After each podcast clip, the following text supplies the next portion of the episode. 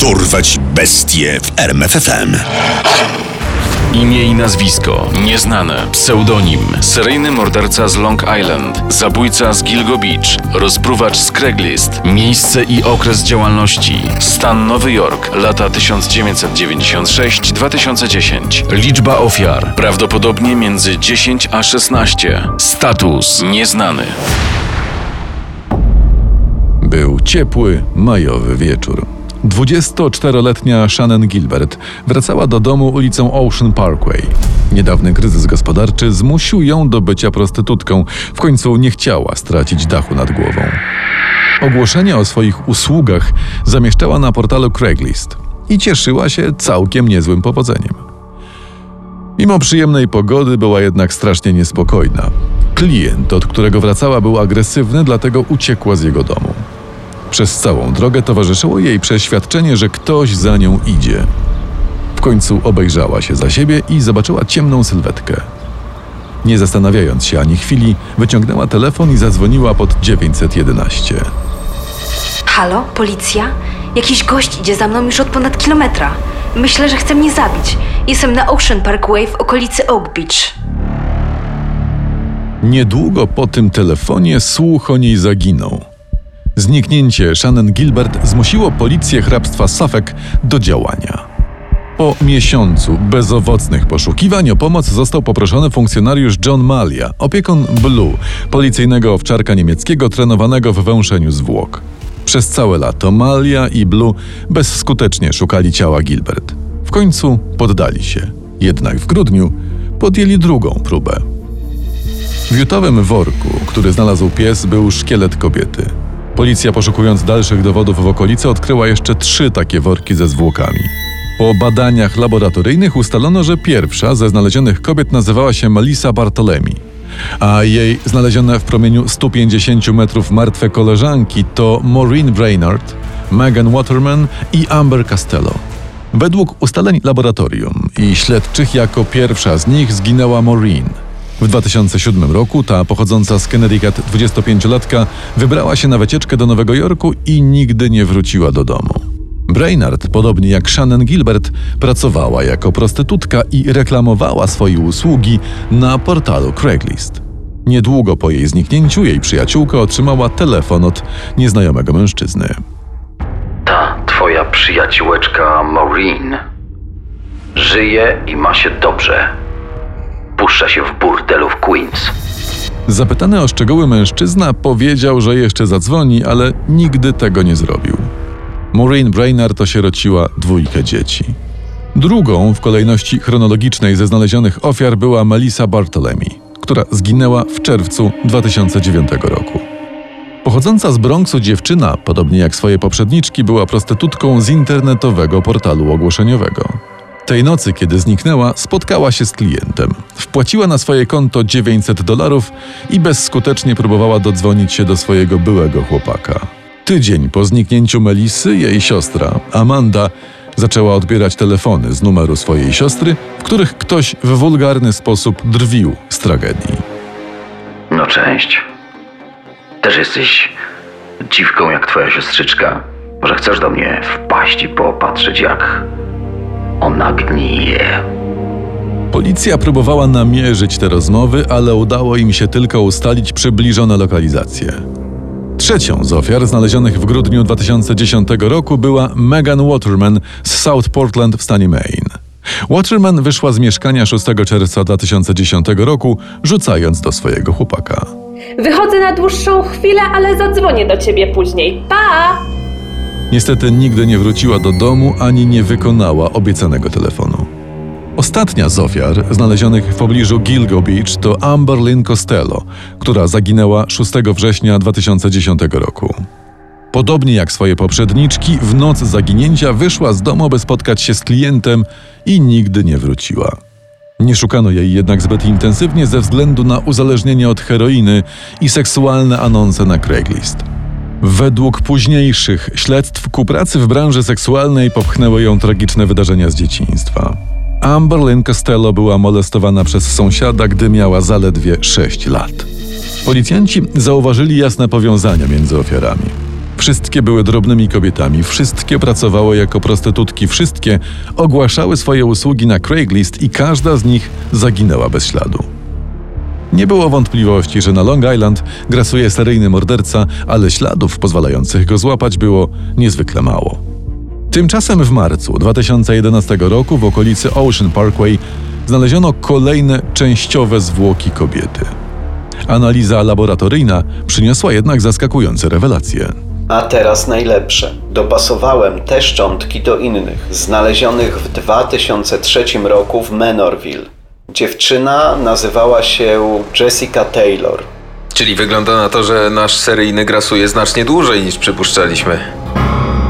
Potwierdzenie tych przypuszczeń nastąpiło miesiąc później, gdy w hrabstwie Suffolk odkryto szczątki trzech osób: niezidentyfikowanej kobiety pochodzenia azjatyckiego, niezidentyfikowanego niemowlęcia i Valerie Mack, której część zwłok znaleziono również 11 lat wcześniej w Menorville.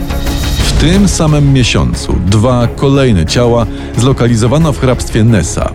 Jedna z niezidentyfikowanych kobiet okazała się matką znalezionego w Suffolk niemowlęcia.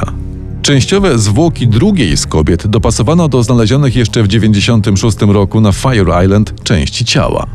Początkowo policjanci spekulowali, że nowe ciała mogą być dziełem innego mordercy, jednak sposób ich porzucenia i analiza patologów wykazały jasno, że za wszystkimi morderstwami stoi jeden sprawca. Z powodu braku tropów co do tożsamości sprawcy i rosnącej w zastraszającym tempie stercie ciał, władze zdecydowały się na desperacki krok. Wiadomości lokalne. Śledztwo w sprawie seryjnego mordercy z Long Island utknęło w martwym punkcie. Policja oferuje nagrodę w wysokości 25 tysięcy dolarów za informacje prowadzące do pojmania tego groźnego przestępcy. W grudniu 2011 roku w pobliżu Oak Beach znajdują się wreszcie zwłoki Shannon Gilbert. Kobiety, od której poszukiwań rozpoczęło się śledztwo. Od jej zaginięcia minęło 19 miesięcy. Jednak ze względu na drobne różnice śledczy decydują się wyłączyć Shannon z listy ofiar mordercy z Long Island. Lata mijały, a lokalna policja nie odkrywała zbyt wielu dodatkowych informacji na temat morderstw z Long Island. Zarówno opinia publiczna, jak i sami funkcjonariusze zastanawiali się, czemu w tej sprawie FBI nawet nie kiwnęło palcem. Ale tak w zasadzie, to czemu federalni nam nie pomogą? Mieszali się do spraw ze znacznie mniejszą liczbą ofiar. Nie wiem ile w tym prawdy, ale podsłuchałem sierżanta, który mówił, że stary James Burke ich blokuje. A federalni nie chcą zaleźć za skórę szefowi policji. Policja bez wsparcia FBI nie potrafiła wiele wskórać, choć poczyniła kilka ustaleń. Przeglądając stare, nierozwiązane zbrodnie, do listy potencjalnych ofiar dodali jeszcze kilka nazwisk. Wśród nich znajdowały się zaginiona w 1982 roku Tina Elizabeth Foglia, zaginiona w 2002 roku drag queen Andre Sugar Bear Isaac, Tania Rush, której nie widziano od 2008 roku i dwie niezidentyfikowane kobiety.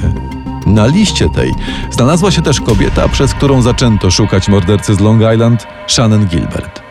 Choć w przypadku tej ostatniej policjanci jako oficjalną przyczynę śmierci podawali przypadkowe utopienie, a nie jak w przypadku innych ofiar uduszenie. Z wersją policji nie zgadzała się jednak matka Shannon, Mary Gilbert. To skandal. Ten potwór zakatował moją córkę. Oni nie kiwnęli nawet palcem, gdy ona do nich zadzwoniła. A teraz jeszcze mówią, że przypadkowo się utopiła? Brednie.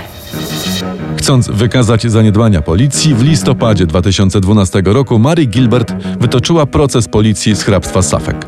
W wyniku tego procesu dostęp do zwłok Shannon zyskał w 2014 roku znany patolog dr Michael Baden, który to na podstawie uszkodzenia kości gnykowej stwierdził, że Gilbert mogła zostać uduszona jak pozostałe ofiary mordercy z Long Island. Zauważył także, że zwłoki Shannon zostały odnalezione twarzą do góry, co jest dość nietypowe wśród przypadkowych topielców i topielic. Mimo tych rewelacji, policja nadal jednak wykluczała Shannon z listy potencjalnych ofiar zabójcy z Long Island. Nadzieja na przełom w śledztwie pojawiła się na chwilę w grudniu 2015 roku, kiedy to za sprawą komisarza policji w hrabstwie Suffolk do śledztwa wreszcie zostaje włączone FBI. Niedługo później, blokujący do tej pory federalnych szef policji James Burke staje przed sądem. Burke napadł i brutalnie pobił mężczyznę, który włamał się do jego służbowego samochodu i ukradł torbę z pornografią i seks z zabawkami. a następnie wraz z jednym z prokuratorów próbował zatuszować tę sprawę. Za napaść i udział w spisku usłyszał wyrok 46 miesięcy pozbawienia wolności. Nie był to jednak koniec rewelacji na temat Burka. W toczącym się nadal procesie dotyczącym zaniedbań w sprawie zaginięcia Shannon Gilbert, prawnik rodziny przedstawił spisane pod przysięgą oświadczenie prostytutki, która identyfikowała się jako Lien. Moim zdaniem niewykluczone jest, że szef Burke był zamieszany w te morderstwa. Kwietniu 2011 roku widziałam, jak z pewnej imprezy w Oak Beach wyciągnął kobietę azjatyckiego pochodzenia za włosy. Kilka miesięcy później na innej imprezie zaproponował mi seks oralny. Zgodziłam się. Był brutalny. Nie skończył, a potem rzucił we mnie pieniędzmi. W ten sposób szef Burke stał się jednym z podejrzanych w tej sprawie, ale nigdy nie znaleziono wystarczających dowodów, by faktycznie powiązać go z morderstwami. Innym z podejrzanych był John Bitrolow, stolarz z Manorville na Long Island. Stolarz z Manorville na Long Island. Bitrolow został skazany w 2017 roku za morderstwo dwóch innych kobiet pracujących w branży usług seksualnych: Rity Tangredi i Colleen McNamee. Prokurator zajmujący się tą sprawą, Robert Biancavilla, kilkukrotnie sugerował zamieszanie Bitrolofa w nierozwiązane morderstwa. Pewnym jest, że pan Bitrolow zamordował więcej kobiet. Faktem jest też, że okoliczności śmierci pań Tangredi i McNamee są niezwykle podobne do pozostałych ofiar tak zwanego zabójcy z Gilgo Beach. Dodajmy też, że pan Bitrolow mieszkał w niedalekim sąsiedztwie od znalezionych ciał i chyba wiemy już wszystko, co trzeba wiedzieć, by dodać 2 do 2. Problem polega na tym, by mieć wystarczająco dowodów, by udowodnić to przed sądem. Z morderstwami kobiet luźno powiązani byli również inni mężczyźni. Jednym z nich był Joseph Brewer, klient, od którego wracała Shannon Gilbert w noc swojej śmierci. Kolejnym Peter Hackett, sąsiad Brewera, który dwukrotnie dzwonił do Mary Gilbert tuż po zaginięciu jej córki, twierdząc, że prowadzi dom dla zagubionych kobiet i że Shannon jest u niego. Jednak poza rozmowami telefonicznymi i bliskim sąsiedztwem zwłok Shannon z jego domem nie udało się ustalić mocniejszych powiązań. Obaj panowie zostali jednak wykluczeni z kręgu podejrzanych, gdyż policja nie uznawała śmierci Shannon Gilbert jako powiązanej z resztą morderstw.